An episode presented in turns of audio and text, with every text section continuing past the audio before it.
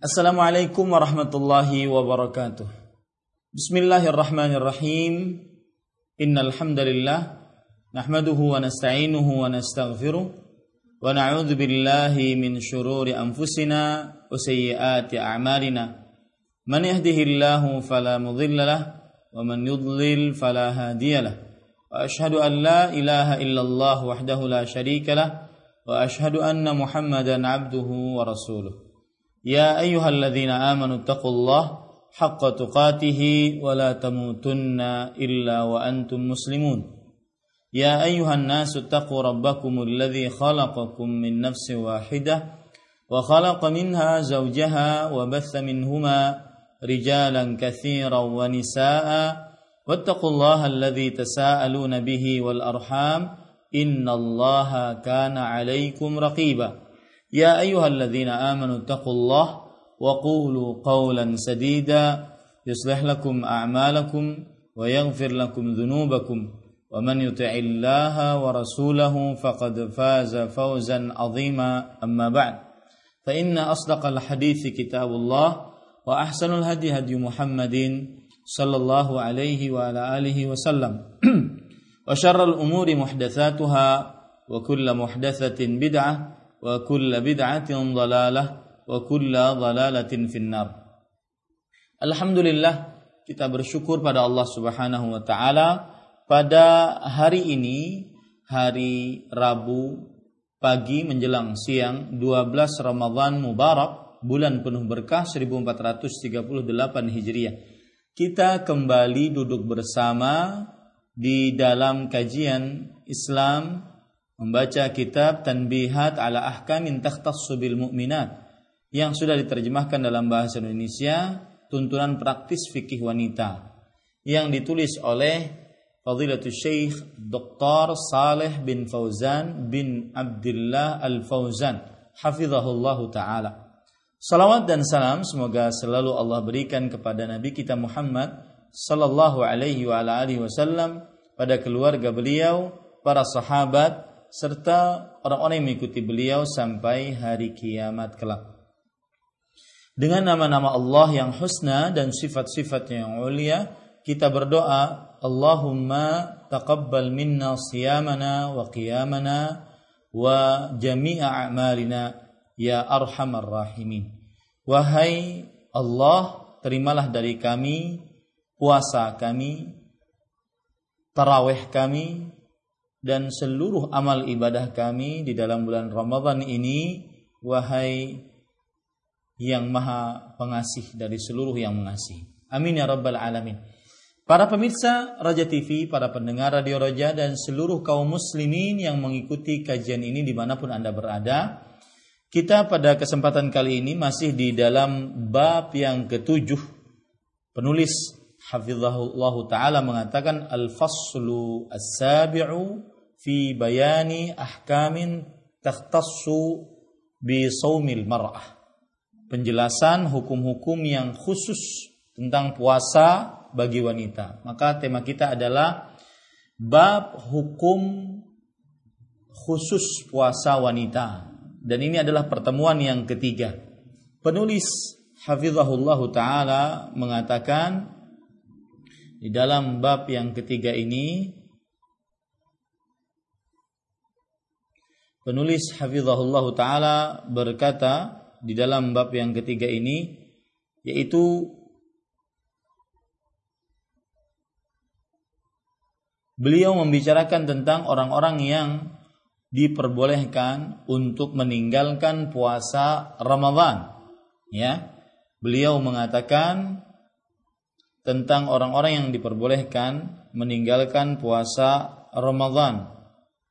Setelah beliau menyebutkan siapa saja yang diwajibkan untuk berpuasa pada bulan Ramadan, yaitu setiap muslim, laki-laki dan perempuan yang balik, berakal, kemudian mampu, mukim, dan terlepas dari halangan-halangan berpuasa seperti haid dan nifas.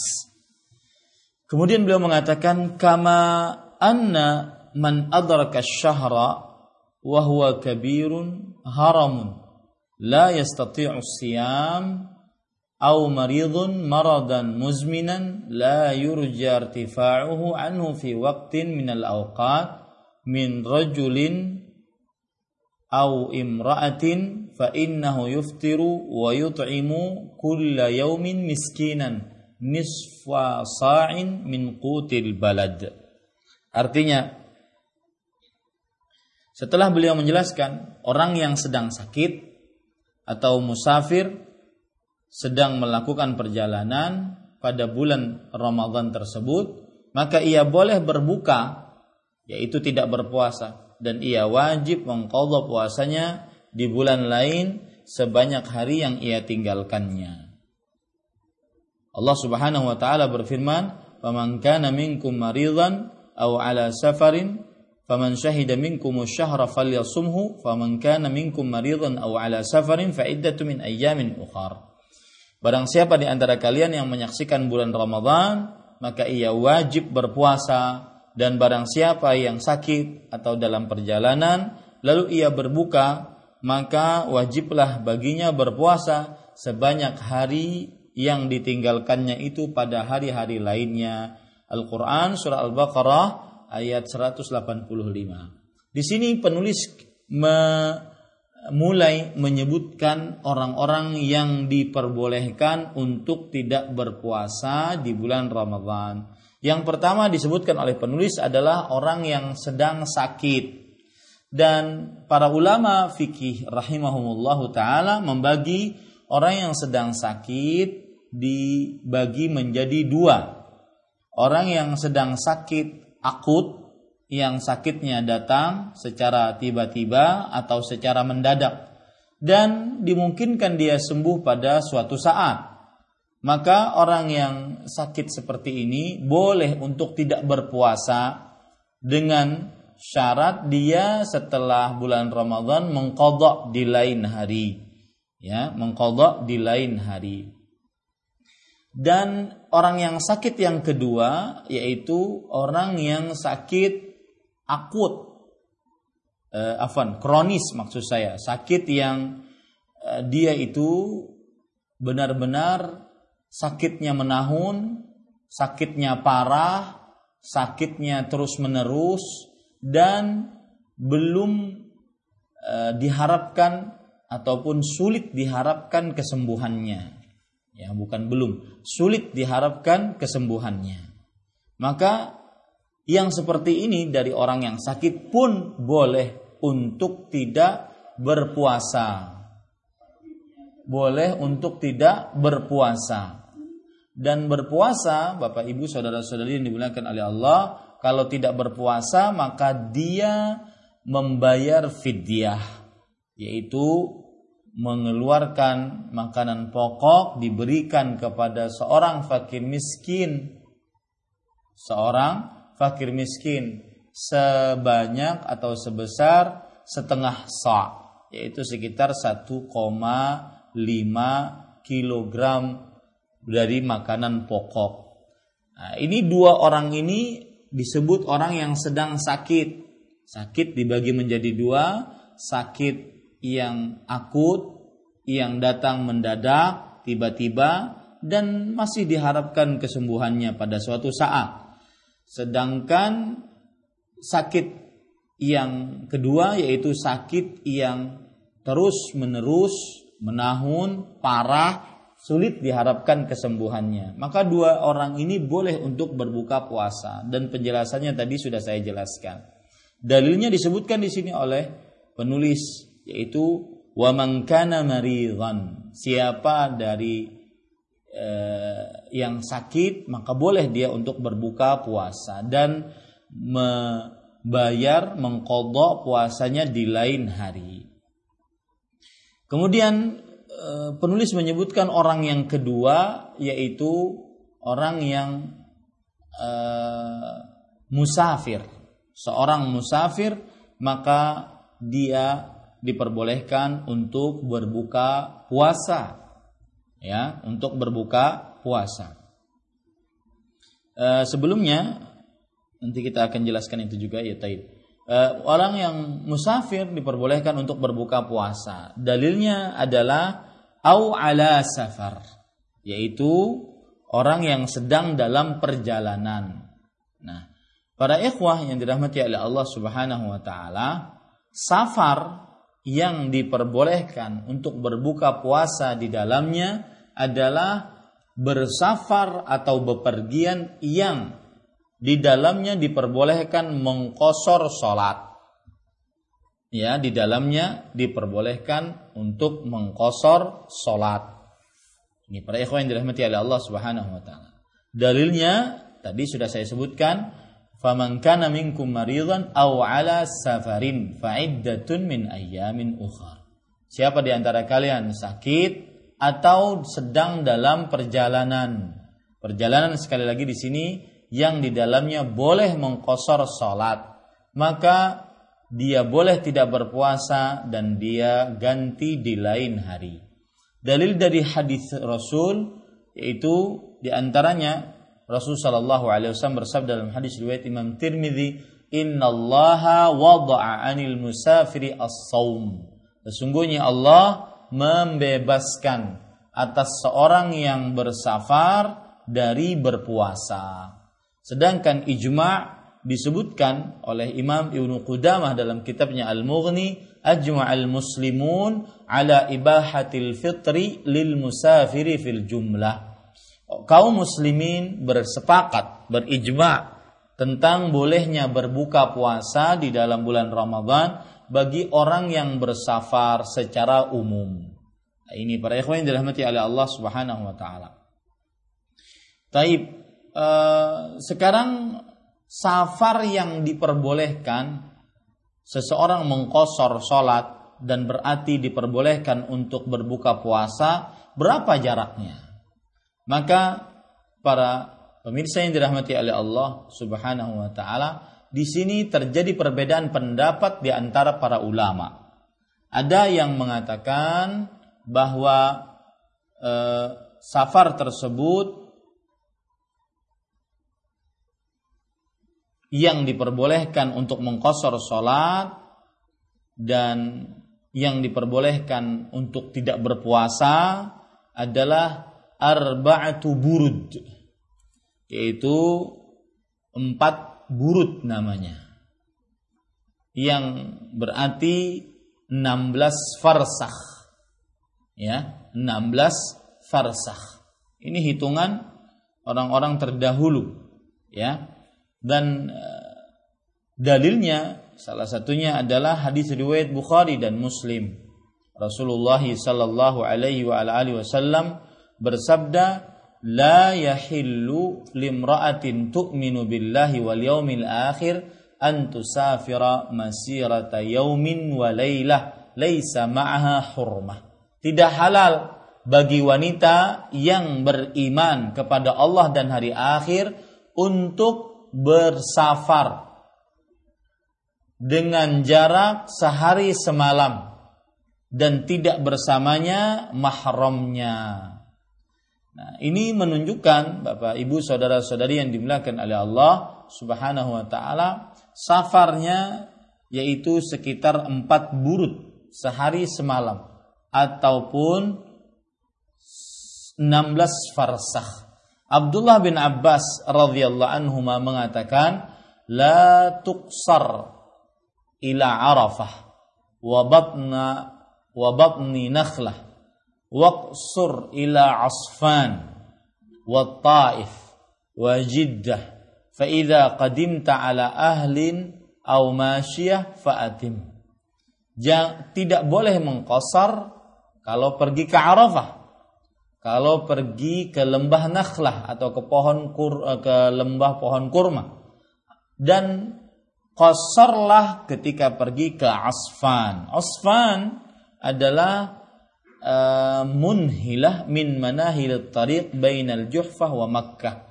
Dia tempat yang terletak antara Juhfah dengan Makkah. Dan qasarlah ketika pergi ke Taif dan qasarlah ketika pergi ke Jeddah. Dan jika kamu datang ke kampungmu ataupun ke eh, tempat penggembalaan kambingmu maka sempurnakanlah Sedangkan jarak dari Mekah antara Ta, eh, Mekah ke Taif itu sekitar 88 kilo dan jarak dari Mekah ke Jeddah sekitar 78 kilo dan jarak dari Mekah ke Asfan sekitar eh, 48 mil yaitu sekitar 88 kilo. Maka inilah pendapat jumhur. Itu Imam Ahmad, Imam Asy-Syafi'i, Imam Malik rahimahumullahu taala yang menyatakan bahwasanya uh, jarak yang seseorang jika bersafar diperbolehkan untuk mengkosor salat dan pada saat yang bersamaan diperbolehkan untuk berpuasa apa berbuka tatkala berpuasa yaitu jaraknya adalah 80 kilo ya kurang lebih 80 kilo sebagaimana yang ditafsiri dari Abdullah bin Abbas dan juga Abdullah bin Umar radhiyallahu anhuma tadi.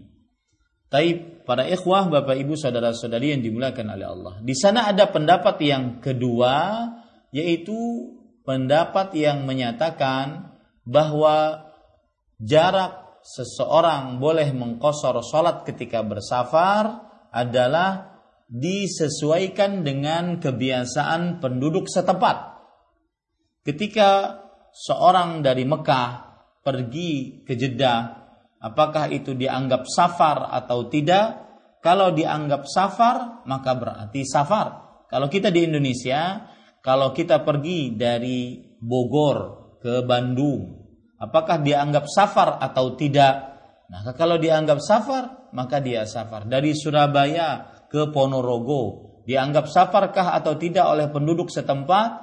Kebiasaannya kalau dianggap safar maka berarti boleh mengkosor sholat dan boleh berbuka puasa. Nah ini, ini pendapat yang kedua dengan dalil dari ayat Al-Quran Allah subhanahu wa ta'ala berfirman wa idza darabtum fil ardi falaysa alaikum junahun an taqsuru minas salah. Surah An-Nisa surat keempat ayat 101. Jika kalian bepergian di muka bumi, maka tidaklah mengapa kalian mengkosor salat kalian. Ya, ini menunjukkan e, bepergian di bumi mutlak, umum. Maka belum ada dalil khusus rinci yang jelas dan sahih yang membatasi kata bepergian ini dalam Al-Quran.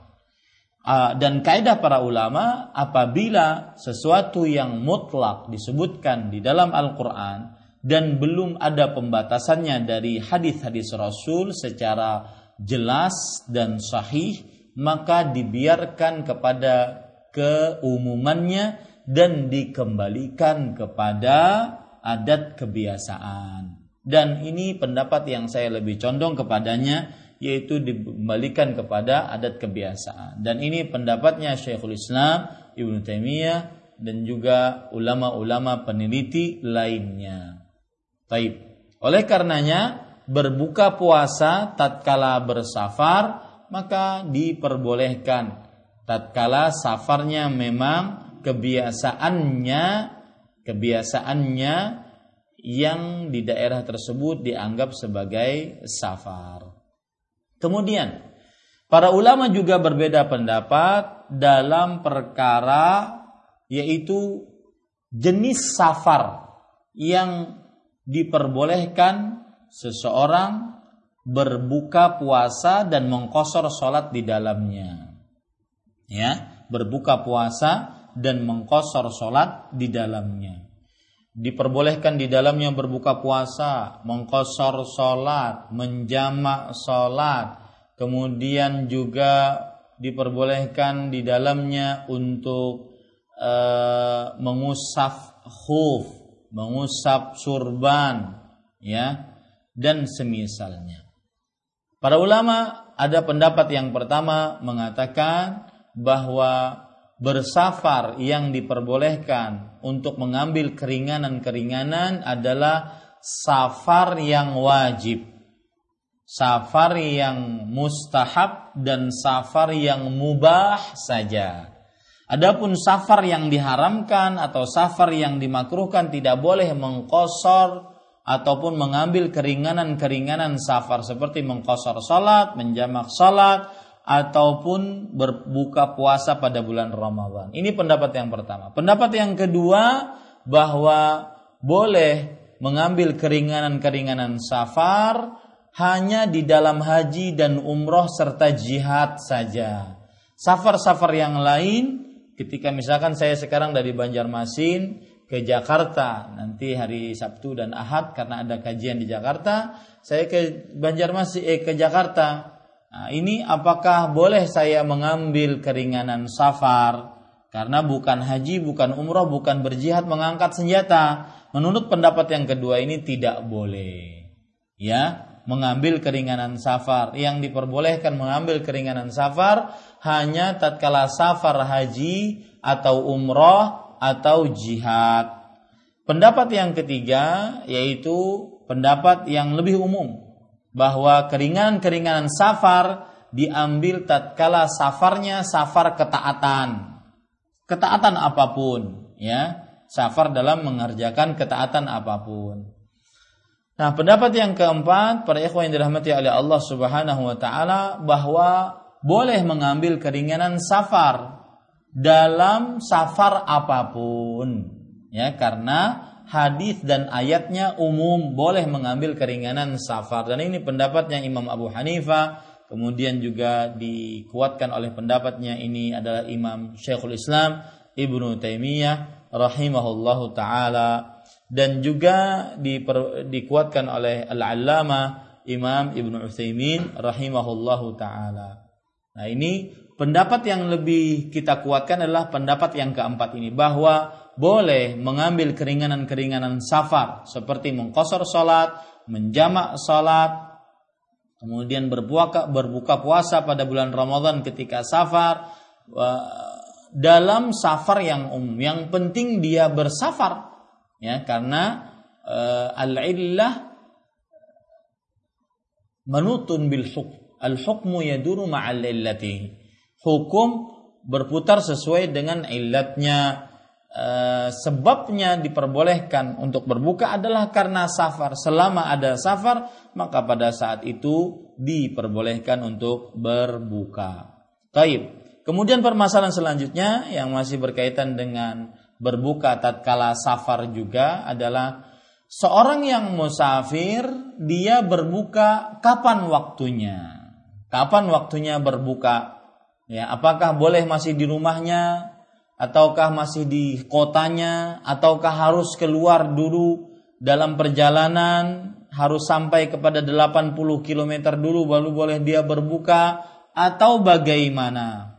Maka para pemirsa yang dirahmati oleh Allah Subhanahu wa taala terjadi perbedaan pendapat di antara para ulama. Ada yang mengatakan dan ini pendapat jumhur mengatakan bahwa tidak boleh untuk mem, e, berbuka puasa tatkala safar ketika masih di rumahnya. Saya beri contoh misalkan seseorang sudah siapkan tas, sudah siap pakai baju, pakai sepatu, benar-benar ingin bersafar. Ya, bahkan tasnya sudah masuk mobil, maka itu safar dilakukan di dalam bulan Ramadan. Nah, dia berbukalah di rumahnya belum dia dalam perjalanan. Bolehkah seperti ini? Maka menurut jumhur tidak diperbolehkan sampai dia dalam perjalanan. Ya, sampai dia dalam perjalanan.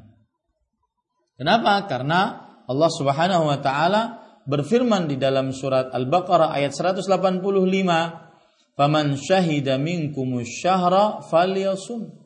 Barang siapa dari kalian menyaksikan bulan, maka hendaklah dia berpuasa. Nah, ini menunjukkan selama masih menyaksikan bulan, belum dalam keadaan safar, maka meskipun sudah disiapkan semuanya, maka tetap dia wajib masih berpuasa.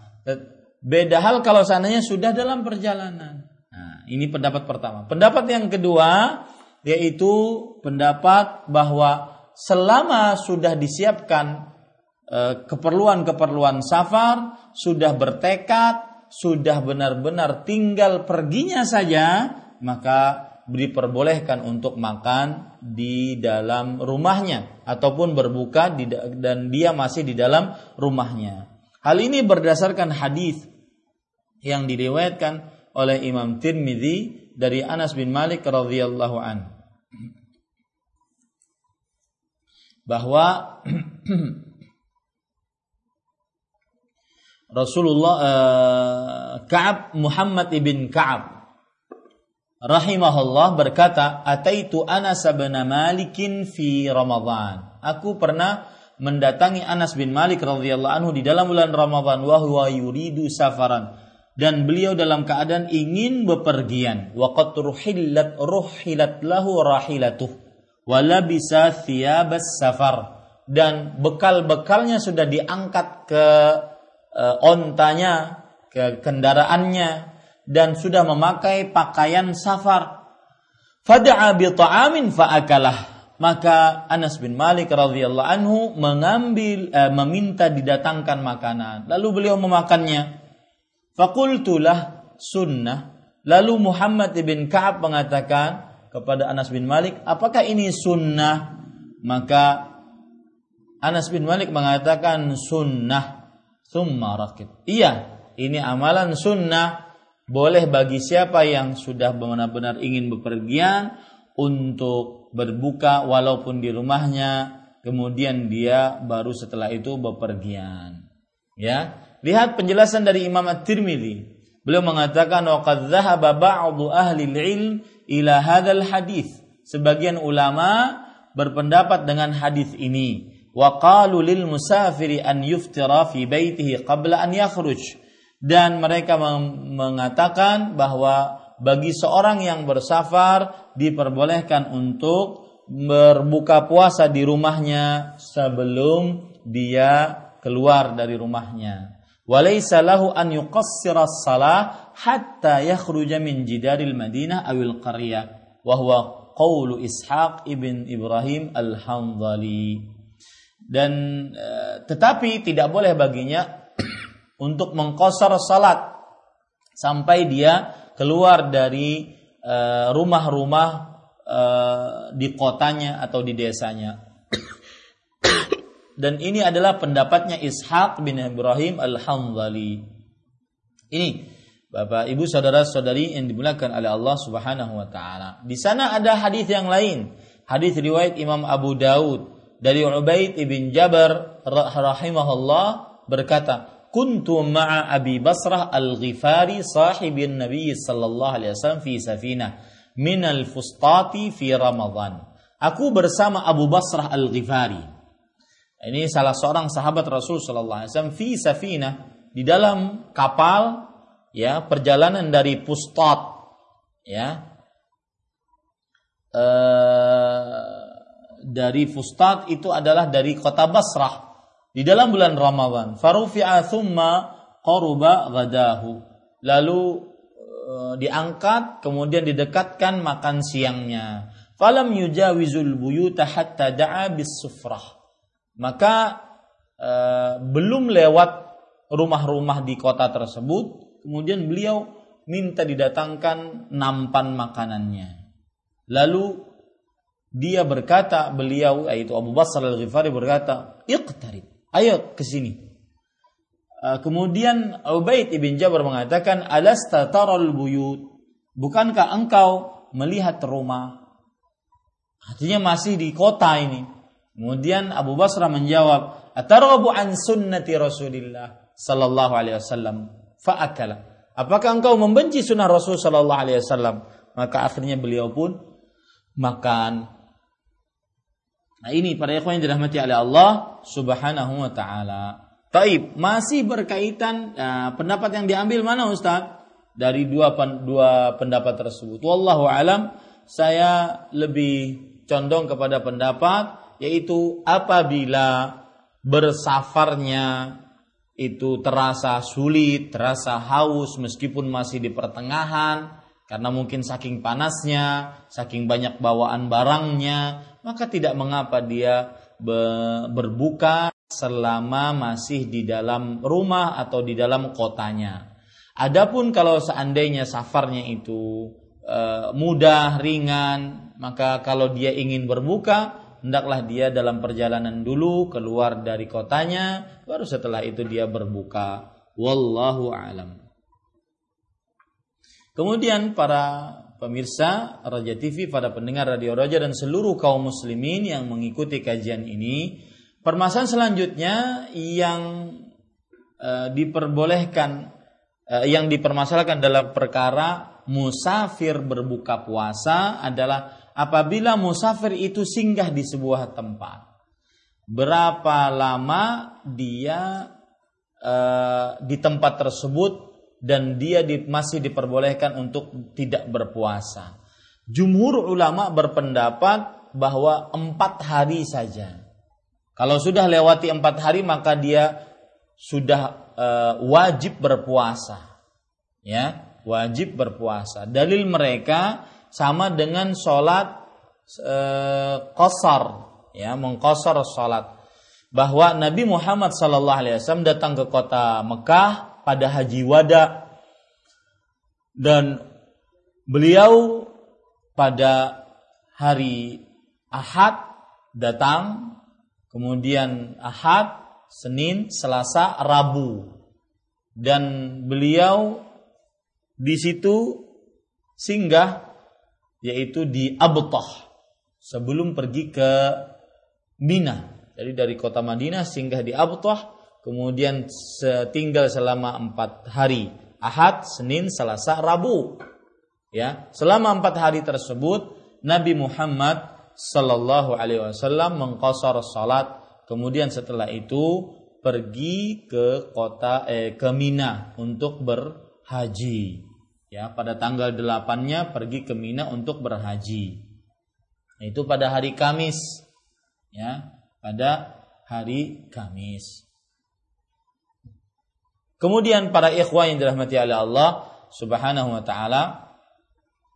Dan inilah yang menunjukkan pendapat sebagian ulama yaitu jumhur ulama mengatakan bahwa e, bagi siapa yang musafir dan singgah di sebuah tempat dia boleh untuk berbuka batasan maksimalnya empat hari jika singgah di sebuah tempat tersebut. Jika singgah di sebuah tempat tersebut lebih dari empat hari, maka dia wajib untuk berpuasa.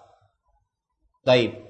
Kemudian permasalahan selanjutnya yaitu apabila orang ini bersafar dan safarnya terus menerus, ya, safarnya terus menerus. Maka bagaimana ini? Maka jawabannya adalah seperti misalkan para pelaut, kemudian sopir bis, ya antar kota bahkan antar negara, ya pilot ini sering bersafar. Maka bagaimana ini? Maka tetap saja dia masuk ke dalam hukum yang disebutkan oleh Allah dalam surat Al-Baqarah ayat 185, "Wa man kana maridan aw ala safarin fa'iddatun min ayyamin ukhar."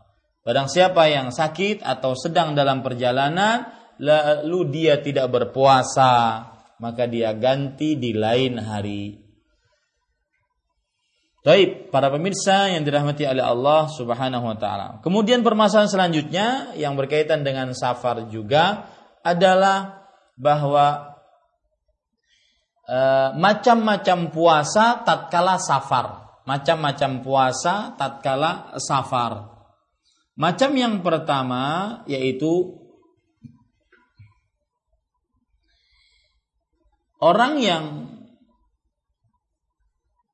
bersafar dengan safar yang sulit yang membahayakan bagi tubuhnya bisa sangat berpengaruh fatal, cacat atau kematian kalau dia bersafar, e, kalau dia berpuasa tatkala safar, maka yang seperti ini wajib baginya untuk berbuka wajib baginya untuk berbuka. Kenapa? karena Allah Subhanahu wa taala berfirman di dalam Al-Qur'an, "Wala taqtulu auladak wala taqtulu anfusakum." Dan janganlah kalian membunuh diri kalian sendiri. Tidak diperbolehkan ya seseorang untuk membunuh dirinya sendiri. Lihat lagi dalil yang diriwayatkan oleh Imam Muslim bahwa apabila safarnya itu sulit, berbahaya, maka wajib untuk berbuka. Dalilnya hadis riwayat Muslim dari Jabir bin Abdullah radhiyallahu an anna Rasulullah sallallahu alaihi wasallam kharaja amal fath ila Makkah bahwa Nabi Muhammad sallallahu alaihi wasallam ke luar pada penaklukan kota Mekah ke kota Mekah fi Ramadan dalam bulan Ramadhan. Fasama hatta balagha qura'al ghamim. Lalu beliau keluar dalam keadaan berpuasa sampai kepada tempat namanya Qura'ul Ghamim. Fasaman nas dan manusia pun ikut puasa, para sahabat Nabi ikut berpuasa. Thumma da'a biqadah. Lalu beliau meminta sebuah bejana yang terisi air. Lalu beliau mengangkatnya di hadapan para sahabatnya hatta nazaran nasu ilaihi thumma syarib. Sampai seluruh manusia melihat beliau kemudian beliau meminumnya. Faqila ba'da dhalik lalu beliau ditanya setelah itu tentang perbuatan beliau tadi. Inna ba'dan nasi qad sama Wahai Rasulullah, sesungguhnya sebagian orang masih berpuasa maka beliau menjawab, ulaikal usat, ulaikal usat. Mereka itu orang-orang yang bermaksiat. Mereka itu orang-orang yang bermaksiat. Inilah eh, keadaan puasa pertama tatkala safar, yaitu berpuasanya sulit dan membahayakan tatkala safar. Maka wajib untuk berbuka. Lihat lagi hadis yang lain riwayat Imam Bukhari dan Muslim dari Anas bin Malik radhiyallahu anhu beliau berkata, "Kunna ma'an Rasulillah sallallahu alaihi wasallam fi safar." Kita bersama Rasulullah sallallahu alaihi wasallam dalam keadaan safar. Faminna saimu wa minnal muftir. Maka di antara kita ada yang berpuasa, ada yang berbuka.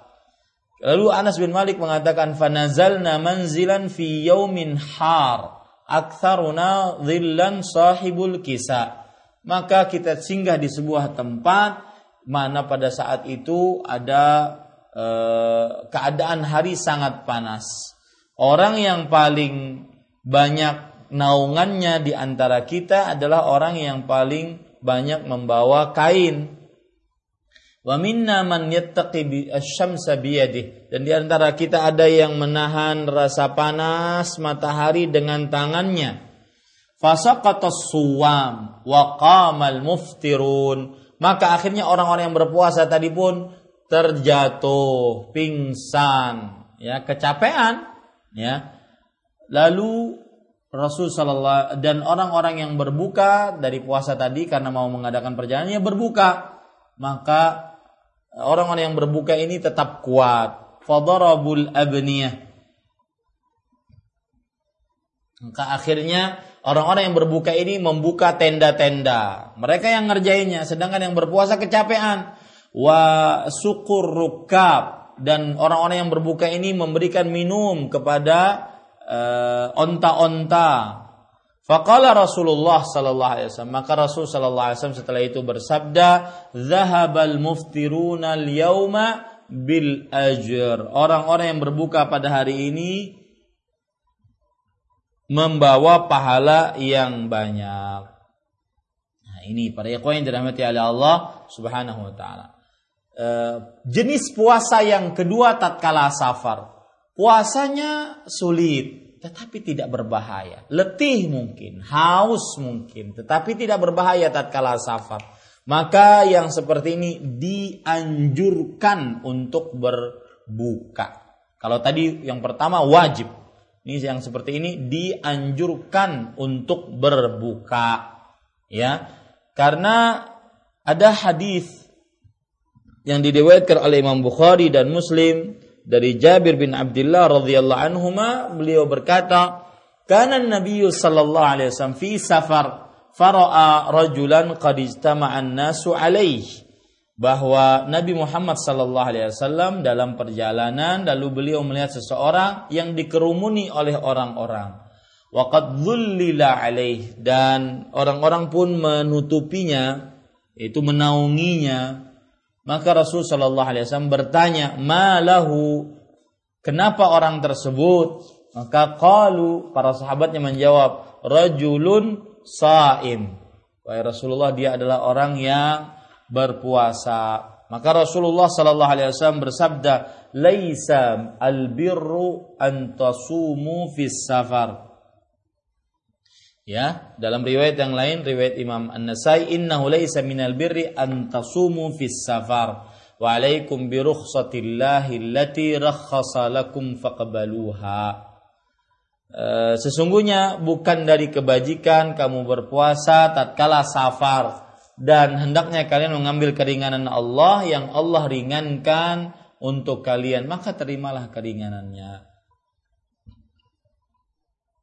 Taib para uh, pemirsa yang dirahmati oleh Allah di sana ada safar jenis ketiga tatkala afwan puasa jenis ketiga tatkala safar.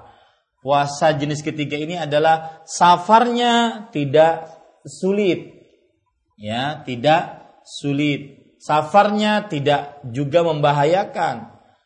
Ketika dia berpuasa tidak dalam keadaan safar dia kuat. Ketika dia berpuasa dalam keadaan safar dia pun kuat. Nah ini bagaimana ini? Para pemirsa yang dirahmati oleh Allah Subhanahu wa taala. Maka Bapak Ibu saudara-saudari yang dimuliakan oleh Allah Subhanahu wa taala bahwa uh, jenis puasa yang ketiga ini tatkala safar tidak sulit, tidak membahayakan, sama saja puasa atau tidak, maka lebih baik menurut pendapat yang lebih kuat tentunya lebih baik dia berpuasa. Dia berpuasa. Hal ini disebutkan kenapa? Pertama, karena Rasulullah SAW pernah berpuasa tatkala safar sebagaimana disebutkan di dalam uh, hadis riwayat Imam Ibnu Majah wa ma finna saimun illa ma kana minan nabiy sallallahu alaihi wasallam dan tidak ada seorang pun dari kita yang berpuasa kecuali yang dilakukan oleh Nabi Muhammad sallallahu alaihi wa alihi wasallam. Yang kedua, kenapa kita menguatkan pendapat yang kedua? Bagi orang yang berpuasa dan puasanya tidak sulit, tidak berat, yaitu lebih cepat untuk melepaskan tanggung jawab. Lebih cepat untuk melepaskan tanggung jawab. Kalau seandainya punya hutang kan masih ada tanggungan. Nah, itu dia. Kemudian yang ketiga, lebih mudah bagi orang yang ingin berpuasa karena berpuasa sama-sama kaum muslimin. Ya lebih mudah orang yang ingin berbuka puasa. Kemudian yang keempat yaitu kalau dia tetap berpuasa meskipun dia sedang safar maka dia berarti mendapati puasa di waktu yang mulia yaitu di waktu Ramadan Nah ini para pemirsa yang dirahmati oleh Allah Subhanahu wa taala. Taib. Kemudian penulis mengatakan itu sudah tadi ya penjelasan panjang lebar tentang orang yang diperbolehkan untuk tidak berpuasa. Kemudian penulis mengatakan demikian pula orang yang berusia lanjut tua renta yang tidak sanggup berpuasa atau orang yang sedang sakit dengan sakit yang menahun yang mana harapannya untuk sembuh tipis dalam waktu-waktu yang tidak dapat diperkirakan. Baik dia laki-laki maupun wanita, dia boleh tidak berpuasa dan untuk itu dia harus memberi makan fakir miskin setiap hari setengah sa' ya kurang lebih satu liter dengan makanan pokok yang biasa dimakan oleh penduduknya. Allah Subhanahu wa taala berfirman, "Wa 'alal ladzina yutiqunahu fidyatun ta'amu miskin." Yang artinya dan wajib bagi orang-orang yang berat menjalankannya mereka jika mereka tidak berpuasa membayar fidyah yaitu memberi ke, memberi makan kepada seorang miskin. Nah, ini adalah orang yang ketiga yang diperbolehkan untuk tidak berpuasa. Yaitu orang yang lemah ya yang lemah. Dia lanjut usia. Ini tidak di, e, diperbolehkan untuk tidak ber, berpuasa di dalam bulan Ramadhan para pemirsa Roja TV, para pendengar Radio Roja dan seluruh kaum muslimin yang mengikuti kajian ini, ini adalah orang tua yang diperbolehkan untuk tidak berpuasa. Sebentar. Orang tua yang tidak diper, yang diperbolehkan untuk tidak berpuasa. Lihat sekarang orang tua yang diperbolehkan untuk tidak berpuasa mereka membayar fidyah. Ya mereka membayar fidyah. Nah cara pembayaran fidyah bagaimana? Abdullah bin Abbas radhiyallahu anhu berkata sebagaimana disebutkan dalam riwayat Bukhari Asy-Syaikhul Kabir wal mar'atul kabirah la yastati'ani an yasuma fayut'imani makana kulli yaumin miskina. Eh, lelaki tua renta, perempuan tua renta tidak sanggup untuk berpuasa dan tidak sanggup untuk berpuasa, maka dia bukan dan maka dia memberikan makan kepada fakir miskin. Gantian dia tidak berpuasa pada hari tersebut. Ya. Ini para ikhwan yang dirahmati oleh Allah Subhanahu wa taala. Dan cara bayar fidyah ada dua. Yang pertama yaitu memberikan makanan pokoknya kepada fakir miskin, ya. Dan diberikan kepada fakir miskin ya, lebih utama karena mereka yang disebutkan sekitar setengah sa, ya, setengah sa. Satu sa nabawi itu empat hafanat, ya yaitu satu sak nabawi itu adalah dua telapak tangan orang dewasa. Ya. Kemudian diambil kemudian empat kali. Nah ini satu sak nabawi. Ya. Dan sekitar tiga kilo. Setengah sok 1,5 kilo. Kalau pakai liter berarti dua kiloan. Nah, ini cara yang pertama sebagaimana disebutkan dalam hadis dari riwayat Bukhari dan Muslim dari Ka'ab ibn Ujrah radhiyallahu anhu Rasul sallallahu alaihi wasallam bersabda kepada Ka'ab au at'im sittata masakin likulli miskinin nisfu sa' atau berikanlah makan kepada enam orang fakir miskin. Setiap orang miskin setengah sa' kemudian di sana ada cara fidyah yang kedua memberikan makanan yang siap makan, siap dimakan. Ya, misalkan sebungkus nasi uduk, sebungkus nasi kuning atau yang sudah siap dimakan. Ya. Nah, ini dalilnya Anas bin Malik radhiyallahu anhu berkata uh, Anas bin Malik radhiyallahu anhu at'ama ba'dama kabura aman aw main aw amain kulla yawmin miskina khubzan walahman wa aftar. Beliau memberikan makan ke, setelah beliau tua tidak berpuasa sebulan eh, satu tahun atau dua tahun.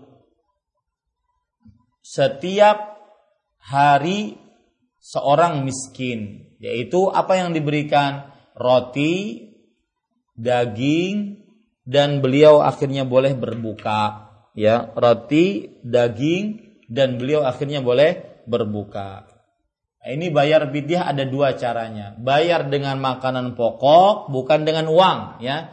kemudian bayar dengan makanan yang siap santap. Wallahu a'lam. Kemudian penulis mengatakan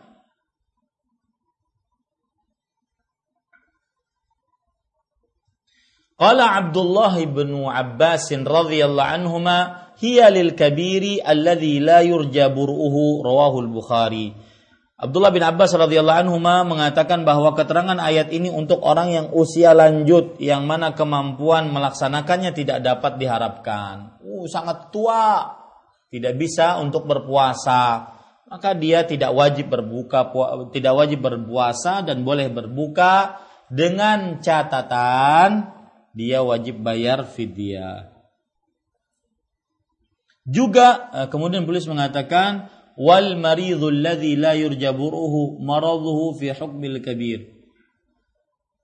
Juga untuk orang yang sakit yang kesembuhan penyakitnya tidak diharapkan bukan tidak diharapkan sebenarnya sulit diharapkan ya sama seperti hukum orang yang berusia lanjut yang dia tidak perlu mengkodok puasanya karena ia tidak mungkin bisa melakukannya.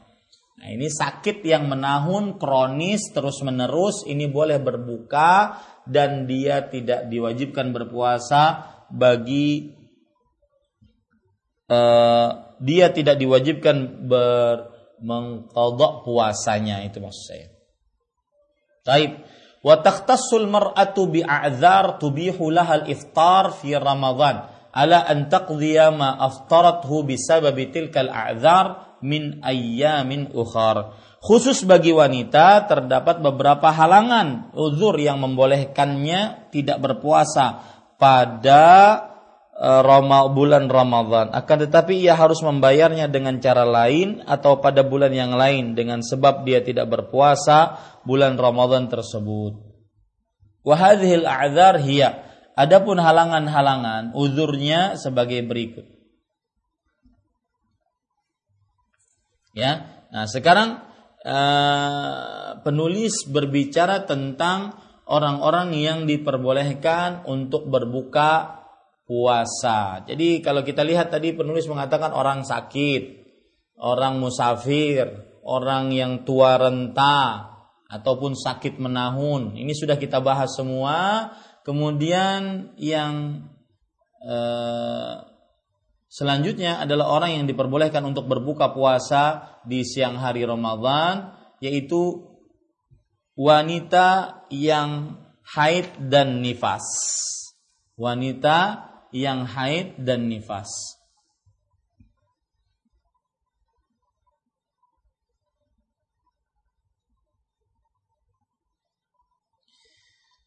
Penulis mengatakan di dalam bukunya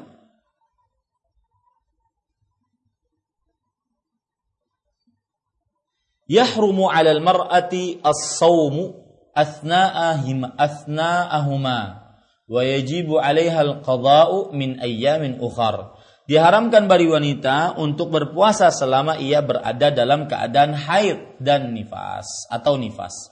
Dan wajib baginya mengqadha puasa pada hari-hari lainnya. E, lima fis sahihain berdasarkan hadis yang tercantum dalam as-sahihain. As-sahihain maksudnya adalah uh, dua yang sahih dua yang sahih dan yang dimaksud di sini adalah dua kitab yang sahih yaitu kitab Sahih Bukhari dan kitab Sahih Muslim. Dari Aisyah radhiyallahu anha ia berkata, kami diperintahkan untuk mengkodok puasa dan kami tidak diperintahkan untuk mengkodok salat dan ini nikmat Allah luar biasa. Hanya diperintahkan bagi wanita untuk mengkodok puasa, tidak diperintahkan untuk mengkodok salat. Kalau mengkodok salat berat sekali Anggap lima kali sholat per hari setiap hari. Ya. Kemudian para ikhwan yang dirahmati oleh Allah Subhanahu wa taala, dia haidnya tujuh hari. Berarti tujuh kali e, lima. Ya, tujuh kali lima berarti tiga puluh lima sholat. Dia wajib mengkodoknya, maka berat bagi wanita-wanita ya berat. kalau seandainya mengkodok sholat maka ini hikmah Allah. Allah yuridu bikumul yusra wa la yuridu bikumul asr. Allah menginginkan kemudahan bagi kalian dan tidak menginginkan kesulitan. Taib uh, kemudian wa dzalika lamma sa'alat hamra'atun faqalat ma balul haidhi taqdis shaum wa la taqdis salah. Bayyan bayyanat radhiyallahu anha anna hadha min al umuri tawqifiyah allati yuttaba'u fiha an-nass ketika Aisyah radhiyallahu anha ditanya oleh seorang wanita tentang hal tersebut maka Orang yang haid harus mengkodok membayar puasa membayar kodok puasa, sedangkan dia tidak harus membayar kodoknya. Maka Aisyah radhiyallahu anha menjelaskan bahwa perkara-perkara ini merupakan perkara tauqifiyah. Arti tauqifiyah adalah berdiam dan tidak dikerjakan sampai ada dalil. Yang mana hukumnya ini mengikuti nas yaitu dalil yang berlaku.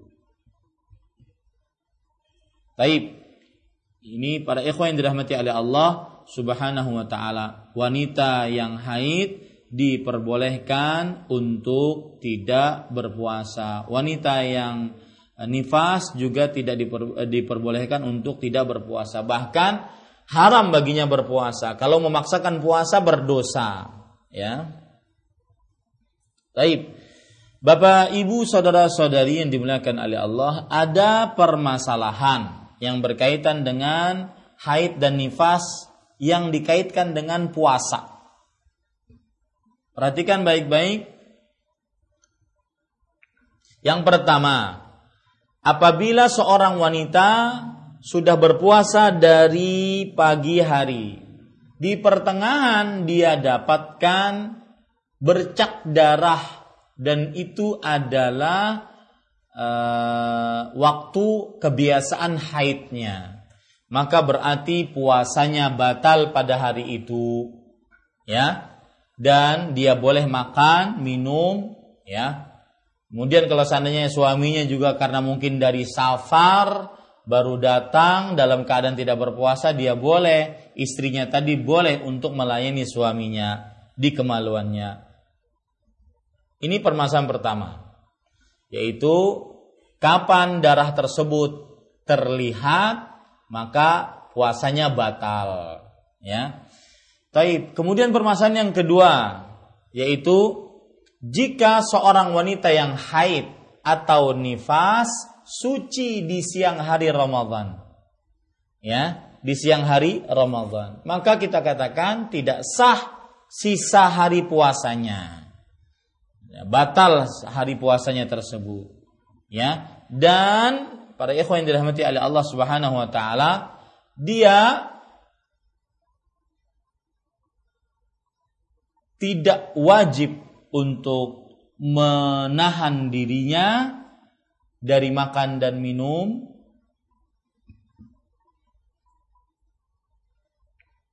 Afwan. Dia wajib menahan dirinya dari hmm, ya dia tidak wajib maksud saya tidak wajib menahan dirinya dari makan dan minum ya. Tetapi dia wajib mengkodok di lain hari. Jadi kalau ada wanita suci haidnya dari pagi dia sudah tidak berpuasa jam 12 suci dari haid keluar lendir putih suci dari haidnya. Maka bagaimana ini? Maka pada saat itu tidak wajib baginya menahan makan minum. Masih boleh makan minum karena memang dari awalnya dia tidak berpuasa. Al aslu bara'atu zimmah. Asal hukumnya dia terlepas dari tanggung jawab. Ya. Uh, al aslu baqa'u ma kana ala ma kan. Asal hukumnya dia tetap seperti awalnya. Maka dia tetap tidak berpuasa. Ya, tetap tidak menahan.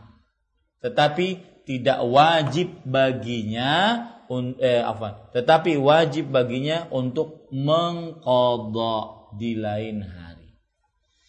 Ini pendapat yang paling kuat ya pendapat yang paling kuat. Jadi wanita haid suci dari haidnya di siang hari maka tidak wajib untuk menahan makan dan minum tetapi dia kodok di lain hari. Orang yang sakit dia sembuh dari sakitnya. Ya sembuh dari sakitnya di siang hari. Maka ini tidak wajib untuk menahan dirinya. Menahan dirinya dari makan dan minum. Akan tetapi boleh dia makan dan minum pada saat itu. Dan dia mengkodok di lain hari.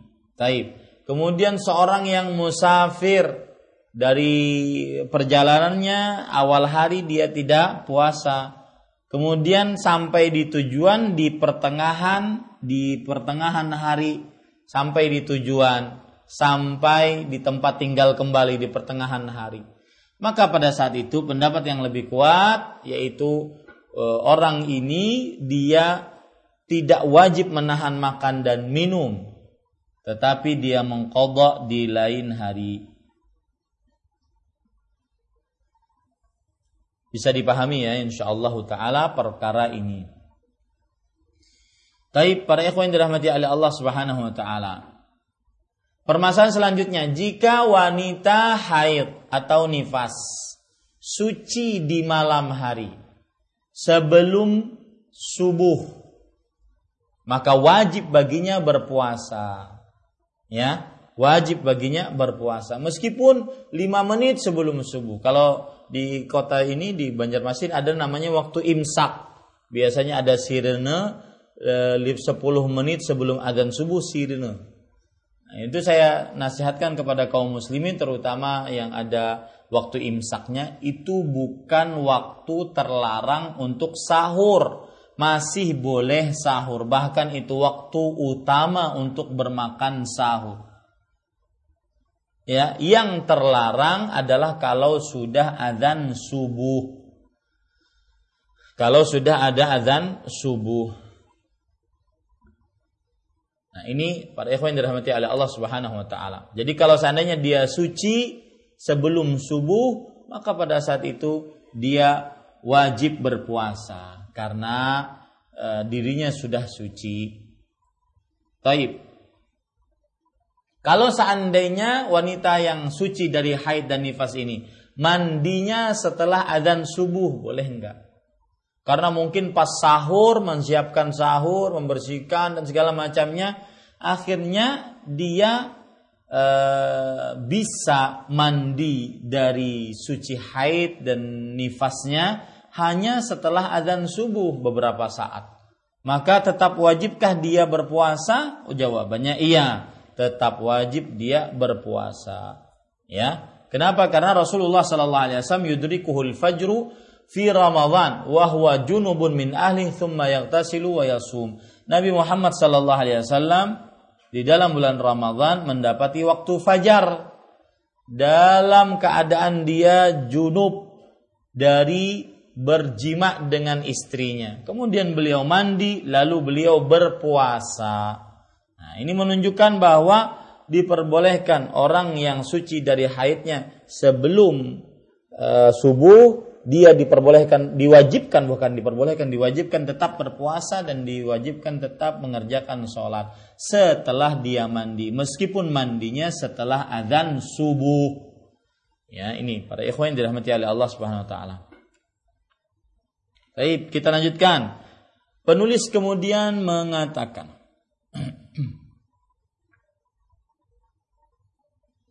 Hikmatu dhalik, qala Syekhul Islam ibn Taimiyah rahimahullah fi Majmu'il Fatawa waddamu alladhi yakhruju bil haidhi fihi khurujud dam والحائض يمكنها أن تصوم في غير أوقات الدم الذي يخرج بالحيض فيه دمًا فكان صومها في تلك الحال صوما معتدلا.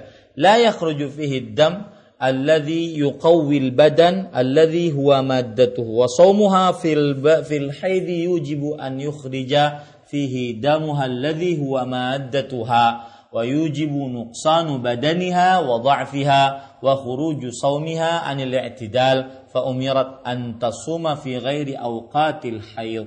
انتهى. Syekhul Islam Taimiyah rahimahullah berkata dalam kitab Majmu'ul Fatawa Adapun yang keluar pada waktu haid adalah darah haid. Jadi kalau seandainya ada darah yang keluar dan pada waktu haid maka darah tersebut adalah darah haid. Kemudian penulis mengatakan dan orang yang sudah biasa haid dimungkinkan berpuasa pada waktu tidak keluar darah haid. Nah, ya, kalau seandainya dia punya kebiasaan haid, maka wanita ini tidak diperkenankan untuk berpuasa. Ya, dan dia bisa mengkodok di lain hari. Maka puasanya pada waktu itu merupakan puasa yang prima karena tidak mengeluarkan darah yang dapat memperkuat keadaan tubuhnya karena dia salah satu unsur dari tubuh. Nah, ini uh, puasa tatkala bukan sedang haid itu puasa yang sesuai dengan sunnah karena di dalam uh, di dalam keadaan tidak haid maka darahnya lancar otomatis dia pun tidak terlalu lapar nantinya. Tetapi, tetapi kalau seandainya dia eh, apa namanya? Kalau seandainya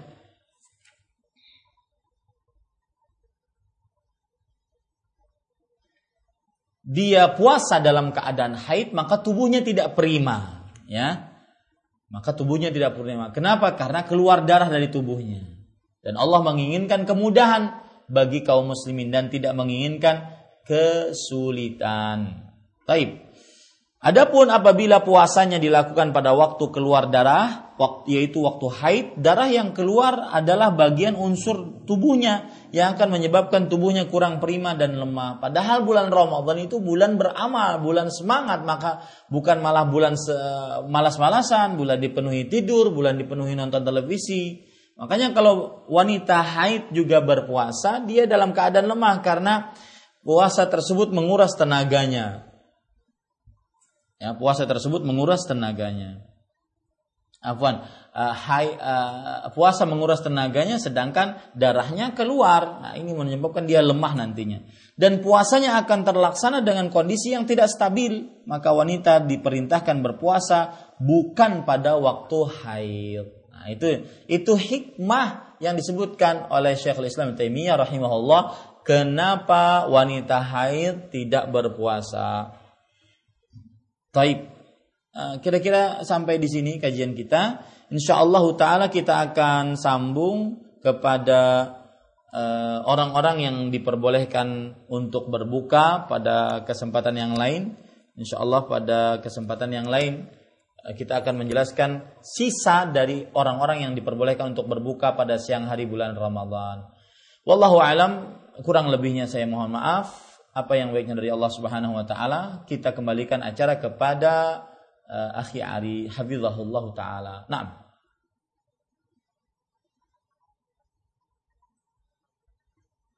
Baik Ustaz, Barakallahu fiqh wa jazakallahu khairan. Terima kasih atas materi yang sangat manfaat ini dan semoga menjadi bekal untuk kita semuanya untuk mengilmui uh, dan menghadapi uh, ibadah-ibadah dan permasalahan yang ada di bulan Ramadan ini. Ya khatam Islam rahimani Allah wa bagi anda yang ingin pengalaman materi silahkan anda bisa menghubungi dengan kami di 0218236543 ada masalah di 0819896543 sebagai awal kami akan membacakan pertanyaan telah masuk dari penanya kita yang pesan singkat. Assalamualaikum Ustaz.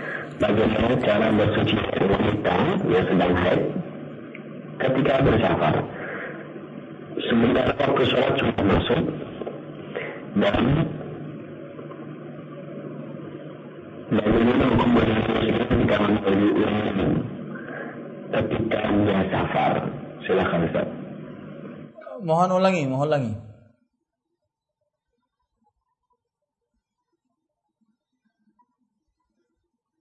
Assalamualaikum Ustaz. Bagaimana cara bersuci wanita yang haid ketika bersafar? Sementara waktu sholat sudah masuk dan bagaimana hukumnya membeli seorang muslimah di kamar mandi umum ketika dia safar? Silakan Ustaz. Ya, Waalaikumsalam warahmatullahi wabarakatuh. Jazakumullahu khairan. Uh, para pemirsa yang dirahmati oleh Allah Subhanahu wa taala, wanita yang sedang safar, dia suci dari haidnya. Lalu bagaimana dia bersuci tatkala dalam keadaan safar? Dan bagaimana dia mandi di rumah uh, seseorang yang dia dalam keadaan safar pada saat itu? Eh, maka jawabannya para pemirsa yang dirahmati oleh Allah, wanita yang dalam keadaan safar lalu dia suci dari haidnya, maka dia mencari tempat untuk mandi, ya, mencari tempat untuk mandi. Kalau seandainya ada, maka dia mandi besar dengan cara dia berwudu seperti berwudu sholat. Sebelumnya dia membasuh kemaluan dengan tangan kirinya kemudian tangan kirinya dipukulkan ke dinding atau ke lantai atau ke tanah, kemudian dia basuh tangan tersebut, kemudian setelah itu dia berwudu seperti wudhunya ingin sholat. Lalu setelah itu dia mandi dengan cara membasahi kepalanya sampai terasa basah seluruh kulit kepalanya. Baru setelah itu dia siram tiga kali kepalanya. Baru setelah itu dia Eh, siram bagian kanan depan, baru setelah itu bagian kanan belakang, bagian kiri depan, bagian kiri belakang. Lalu setelah itu dia siram seluruh tubuhnya. Ya. Jadi kalau seandainya dia suci dalam keadaan safar, sedangkan waktu sholat sudah mau habis, maka bagaimana? Dia berusaha mencari kamar mandi, ya, untuk dia mandi di tempat tersebut.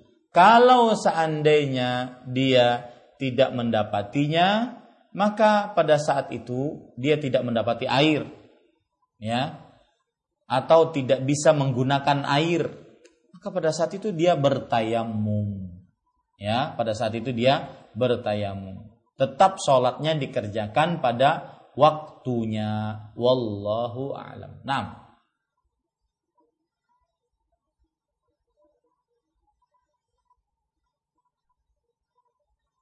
ini pertanyaan yang kedua dari pesan singkat. Assalamualaikum. Bagaimana hukumnya suami istri berhubungan badan pada bulan suci Ramadan dengan cara mereka membatalkan puasa mereka terlebih dahulu sebelum berhubungan dari hamba Allah yang tidak menyebutkan dari mana Silakan. Mohon maaf, pakai TV aja, nggak jelas suaranya. Ulangi, ulangi Mas Ari, nggak jelas suaranya.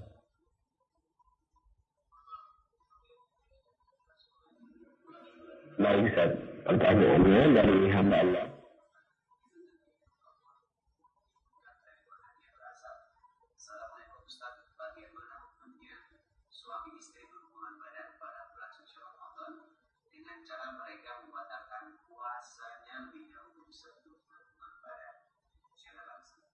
Ya, bismillah walhamdulillah wassalatu wassalamu ala Rasulillah. Para pemirsa yang dirahmati oleh Allah Subhanahu wa taala, uh, seorang muslim semestinya dia wajib untuk taat kepada Allah dan Rasulnya. Dan dia wajib untuk berpuasa pada bulan Ramadhan dan kewajiban apabila dilanggar maka akan mendatangkan hukuman di akhirat. Ini yang harus selalu dia ingat sebenarnya. Ya harus selalu dia ingat Jangan sampai dia berbuka puasa di siang hari Ramadan sebelum waktu berbuka. Ada hadis yang disebutkan Rasulullah Sallallahu Alaihi Wasallam eh, bersabda tentang hadis yang diriwayatkan oleh Imam Ibnu Hibban dan Imam Ibnu Khuzaimah dari Abu Umamah Al-Bahili radhiyallahu an. Baina ana naim id atani rajulan. Ketika aku sedang tidur, waktu itu datang dua orang yaitu dua malaikat. Fa akhadha bi dhab'i. Lalu keduanya memapahku. Fa ataya bi jabalan wa'ra. Lalu keduanya membawaku ke gunung yang sangat tinggi. Faqala lalu keduanya berkata, "Is'ad." Dakilah Fakultu la utiquhu. Aku pun berkata, aku tidak sanggup karena sangat tinggi. Faqala inna sanusahhiluhu lak. Lalu kedua malaikat tersebut berkata, kami akan memudahkannya untukmu. Fasa'idtu hatta idza kuntu fi sawa'il jabal idza aswa bi aswatin syadidah. Lalu aku pun mendakinya sampai ke puncak gunung ternyata aku mendengar suara-suara yang keras meraung-raung kesakitan. Lalu aku berkata, "Mahadhil aswat?" Suara apakah ini? Kemudian kedua malaikat tersebut mengatakan, "Hadza awa'u ahlin nar." Ini adalah suara penghuni neraka. Kemudian intalaqa bi fa ana biqaumin mu'alliqina bi araqibihim. Kemudian kedua malaikat tersebut membawaku, ternyata aku melihat orang-orang yang digantung kakinya. Kakinya kita lihat betis kita, ada otot betis di bawah betis, di bawah otot betis itu ada semacam tulang. Nah, kemudian digantunglah tulang tersebut ya ke atas. Kemudian bibir-bibirnya ditarik dari belakang, dari kanan dan kiri ke belakang dan digantung pula e, bersamaan dengan kakinya tadi. Dan keluarlah darah dari mulutnya. Kemudian aku berkata, "Man haula?" Siapa mereka? Maka e, malaikat tersebut menjawab, "Haula illadzina yuftiruna qabla tahillata saumihim." Mereka lah orang-orang yang berbuka sebelum waktu berbuka mereka. Para pemirsa yang dirahmati oleh Allah Subhanahu wa taala, ini hukuman bagi yang tidak menyelesaikan puasanya ya sampai waktu berbuka. Bagaimana kalau dia tidak berpuasa? Nah, untuk jawaban yang tadi ada suami istri berbuka puasa dengan sengaja. Maka ini dosa besar ya dan dikhawatirkan lebih besar dibandingkan perbuatan zina dan minum keras, kecanduan minuman keras. Sebagaimana yang disebutkan oleh Imam Az-Zahabi rahimahullah dalam kitab beliau Al-Kabair. Ya. Lalu setelah itu, setelah dia berbuka, makan, minum, lalu setelah itu dia berjima. Apakah dia mendapatkan hukuman kafarat mughalladhah penebus yang berat. Kita tahu bahwa seorang yang berjima di siang hari Ramadhan dia mendapatkan hukuman berat. Pertama, puasanya rusak. Yang kedua, dia wajib mengkodok di lain hari. Yang ketiga, dia membayar e, kafarat yang berat, yaitu memerdekakan budak. Kalau tidak bisa, berpuasa dua bulan berturut-turut. Kalau tidak bisa, maka dia bersedekah kepada 60 fakir miskin. Kalaupun eh, kemudian yang keempat yaitu dia beristighfar kepada Allah Subhanahu wa taala.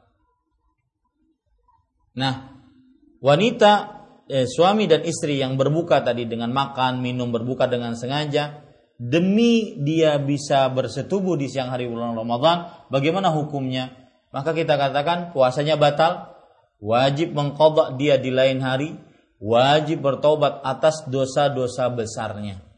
Karena dia berbuka puasa dengan sengaja tanpa ada alasan yang dibenarkan oleh syariat.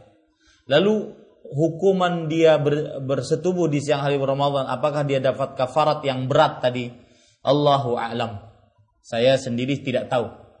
Ya, mungkin bisa ditanyakan kepada ustadz yang lain. Yang jelas dia batal puasanya, wajib dia mengqadha dan bertobat karena dia sudah berbuka puasa dengan sengaja sebelum waktu buka puasa dan itu lebih itu dosa besar, lebih besar dari berzina, lebih besar dari kecanduan minuman keras. Tetapi kemudian dia bersetubuh, apakah dia mendapatkan kafarat mughalladhah Allahu alam. Saya tidak tahu, silahkan tanya kepada yang lebih tahu. Nah,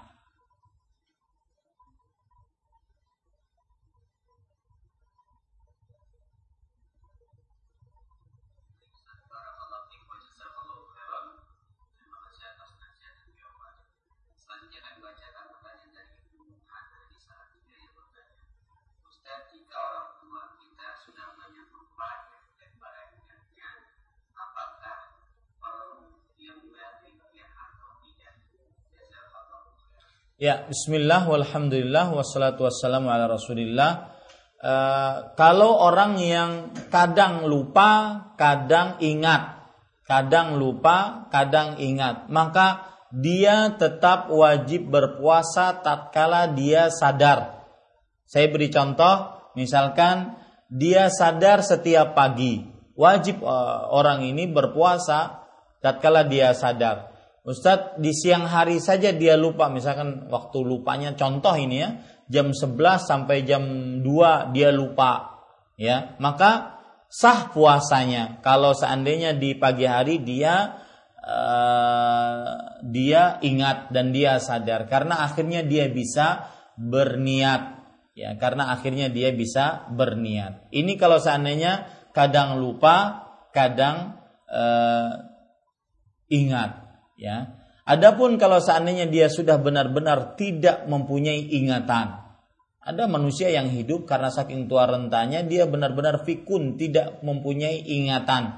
Maka manusia seperti ini, muslim seperti ini, dia tidak wajib berpuasa, tidak ada qadha, tidak ada juga kafarat. Ya, tidak ada fidyah maksud saya. Tidak wajib puasa, tidak wajib e, tidak juga wajib membayar fidyah.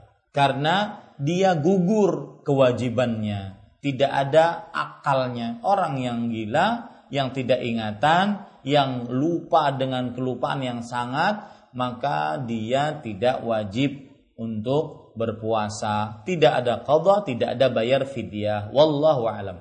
Nah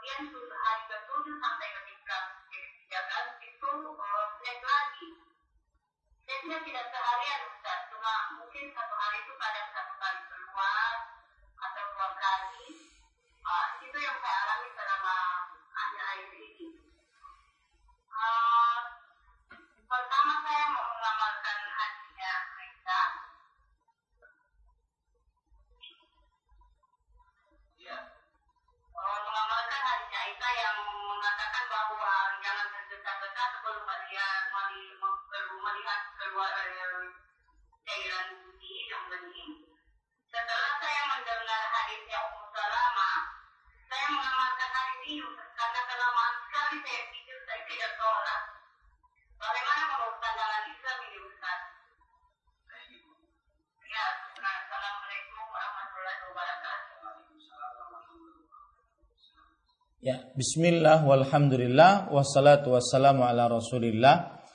Para pemirsa yang dirahmati oleh Allah Subhanahu wa taala, bagi ibu yang seperti ini, dia awalnya mempunyai kebiasaan haid tujuh hari. Kemudian setelah itu karena ada satu dan lain hal menjadi kemudian ada sesuatu yang samar-samar dari kebiasaan haidnya sehingga menjadi 13 hari. Nah, ini bagaimana ya uh, sikap wanita seperti ini? Maka jawabannya, ibu-ibu sadari-sadari muslimah yang dimuliakan oleh Allah, darah yang keluar pada hari kebiasaan haid, maka itu adalah darah haid dan sisanya adalah darah istihadah. Darah yang keluar pada waktu kebiasaan awal ya waktu masuk gadis kemudian hamil pertama itu adalah darah haid dan sisanya berarti itu adalah darah istihadah. Itu satu. Kemudian apabila seseorang wanita sudah melihat lendir putih ataupun sudah benar-benar kering kemaluannya dengan cara memasukkan kain atau kapas atau apa pun ke dalam kemaluannya dan tidak ada flek atau bercak sama sekali maka berarti dia sudah suci dari haidnya. Dan sufrah atau air keruh atau air kekuning-kuningan yang keluar setelah itu dari kemaluan tidak dianggap. Sebagaimana yang dikatakan oleh Ummu Salamah radhiyallahu anha kunna la na'uddul sufrata ba'da tuhri syai'a. Kita tidak menganggap air sufrah kekuning-kuningan awil kudrata keruh setelah suci sama sekali. Jadi tidak dianggap haid seperti darah uh, air biasa dia dianggap istihadah. Kalau ingin sholat, maka dia boleh sholat dengan cara membersihkan kemaluannya, kemudian memakai pembalut, kemudian berwudu, kemudian dia tetap wajib puasa. Dia boleh menggauli, melayani suaminya di kemaluannya. Kalau seandainya dia lihat sufrah kekuning-kuningan ataupun kudrah kekeruh eh, keruh setelah suci. Suci tadi ketika keluar lendir putih atau ketika seseorang uh, melihat kemaluannya benar-benar kering, tidak ada flek sama sekali. Nah, lalu bagaimana Ustadz rincian atas uh, apa yang terjadi pada diri saya tadi? Maka sama seperti yang sudah saya sebutkan, yaitu apabila ibu mempunyai kebiasaan waktu haid, maka hitunglah itu waktu haid. Ya. Kemudian cairan-cairan yang keluar setelahnya maka itu dianggap sebagai istihadah. Nah, itu mudahnya dan gampangnya bagi ibu seperti itu. Cairan-cairan yang keluar setelahnya adalah dianggap sebagai istihadah dan wanita istihadah seperti wanita suci lainnya. Ya, semua hukumnya sama, hanya ada beberapa hukum yang berbeda. Adapun sholat, puasa, e, membaca Al-Quran diperbolehkan melayani suami di kemaluan diperbolehkan. Wallahu a'lam. Nah.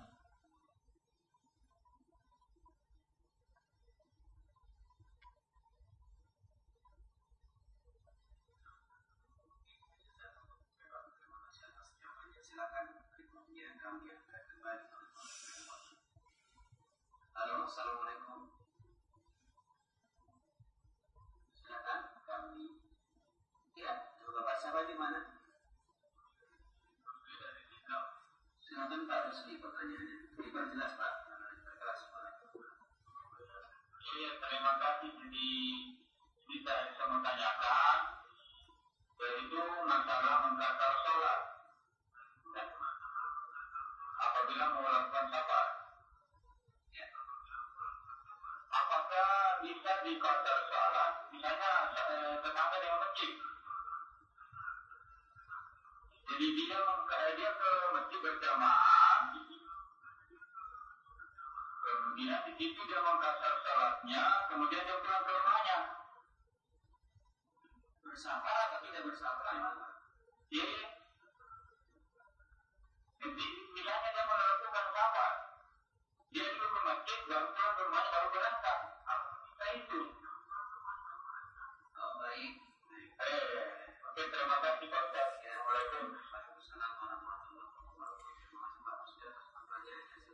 Waalaikumsalam warahmatullahi wabarakatuh. Bismillah, walhamdulillah, wassalatu wassalamu ala rasulillah. Terima kasih Pak Rusli dari Sanggau kalau salah.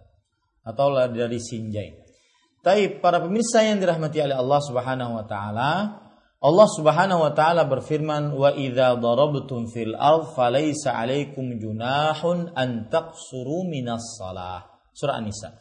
Jika kalian dalam bepergian di bumi, maka tidak ada dosa atas kalian untuk mengkosor sholat. Ayat ini memberikan pelajaran dan batasan boleh mengkosor sholat tatkala dalam keadaan safar. Apabila seseorang ingin bepergian, lalu dia pergi ke masjid, kemudian dia mengkosor sholatnya di masjid, lalu dia pulang lagi, baru dia pergi bersafar, pulang lagi ke rumah, lalu dia pergi bersafar. Maka ini tidak diperbolehkan ya. Tetapi dia sholatnya sempurna. Saya beri solusi. Dia diperbolehkan untuk menjamak yaitu menggabungkan tanpa mengkosor. Karena yang namanya kosor lebih identik dengan safar. Artinya tidak boleh mengkosor sholat kecuali ketika safar dan e, sedangkan jama identik dengan tatkala keadaan mendesak terpaksa.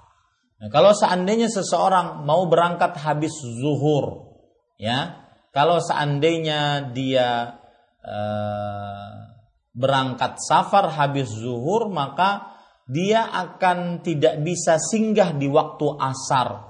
Dia hanya bisa singgah di waktu maghrib sedangkan sulit untuk sholat di kendaraan, misalkan.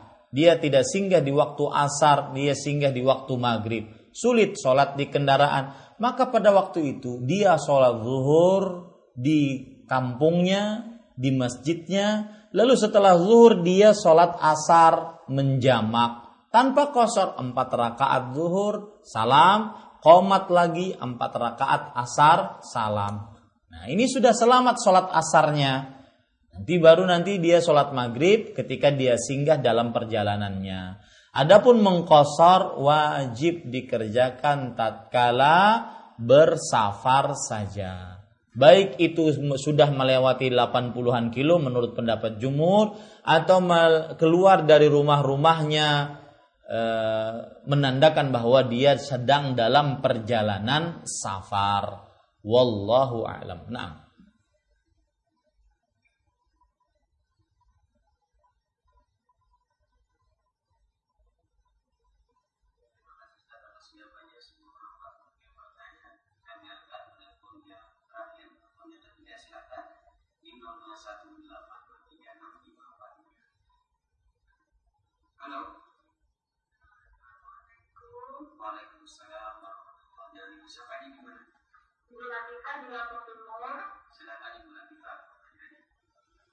Ibu saya mau tanya kalau Indonesia kan kayak kayak wanita itu kalau musim panen itu banyak orang yang kerja di tahun itu pada nggak puasa.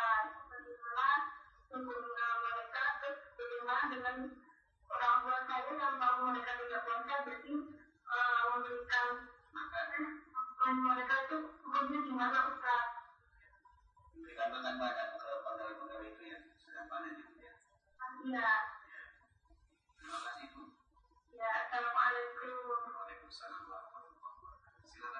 Waalaikumsalam warahmatullahi wabarakatuh. Bismillah, walhamdulillah, wassalatu wassalamu ala rasulillah Pertanyaan dari Lombok Timur, jazakumullahu khairan atas pertanyaannya. Maka belum ada dalil dari Al-Quran dan hadis Rasul yang membolehkan bagi orang yang bekerja untuk ber, uh, untuk tidak berpuasa. Belum ada dalil. Maka saya nasihatkan bagi para pekerja entah dia bekerja di sawah, bekerja di kantor, bekerja di jalan, ya, di tetap berpuasa, ya.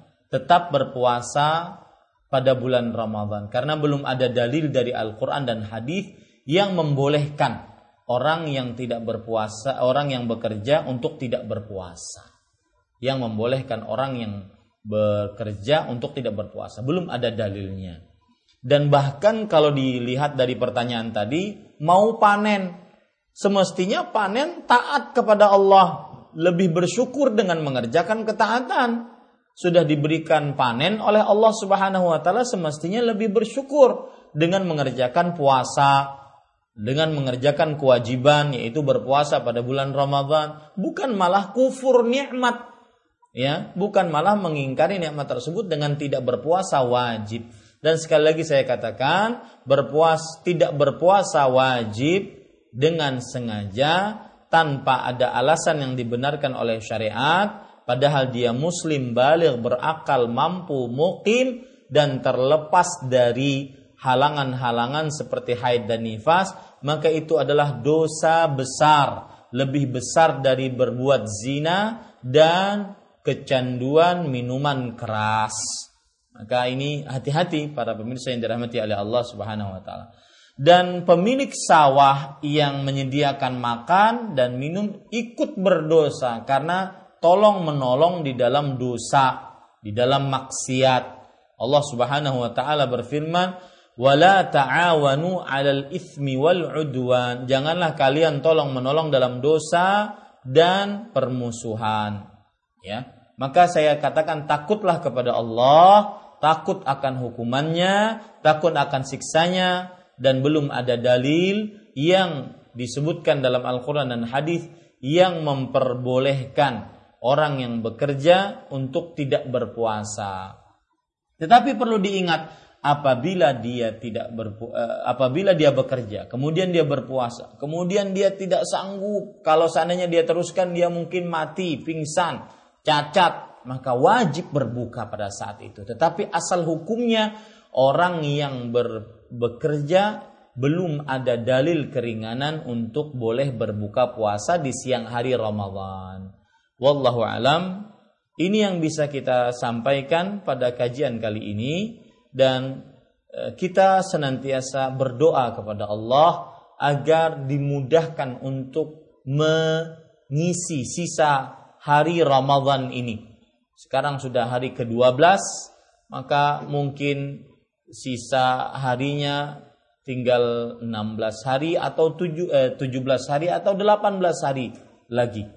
Ya, bagi yang sudah beribadah kepada Allah benar-benar mengisi waktu Ramadannya dengan sebaik-baiknya, maka bersyukurlah kepada Allah. Berdoalah kepada Allah agar diberikan istiqamah. Dan janganlah cepat merasa puas dengan apa yang sudah dicapai. Sebaliknya, bagi yang belum mengisi Ramadan selama 12 hari ini dengan sebaik-baiknya, seperti yang berbicara di hadapan Bapak Ibu saudara-saudari sekalian. Kekurangan di sana sini. Kemalasan di sana sini, maka sekarang waktunya untuk memulai tekad lebih baik mengisi sisa-sisa hari Ramadan, sisa hari 17 ataupun 18 hari ini. Semoga kita diberikan taufik kemudahan untuk beribadah kepada Allah Subhanahu wa taala. Saya cukupkan. Wassallallahu Nabi Muhammad. Walhamdulillahi Rabbil Alamin. Wassalamualaikum warahmatullahi wabarakatuh.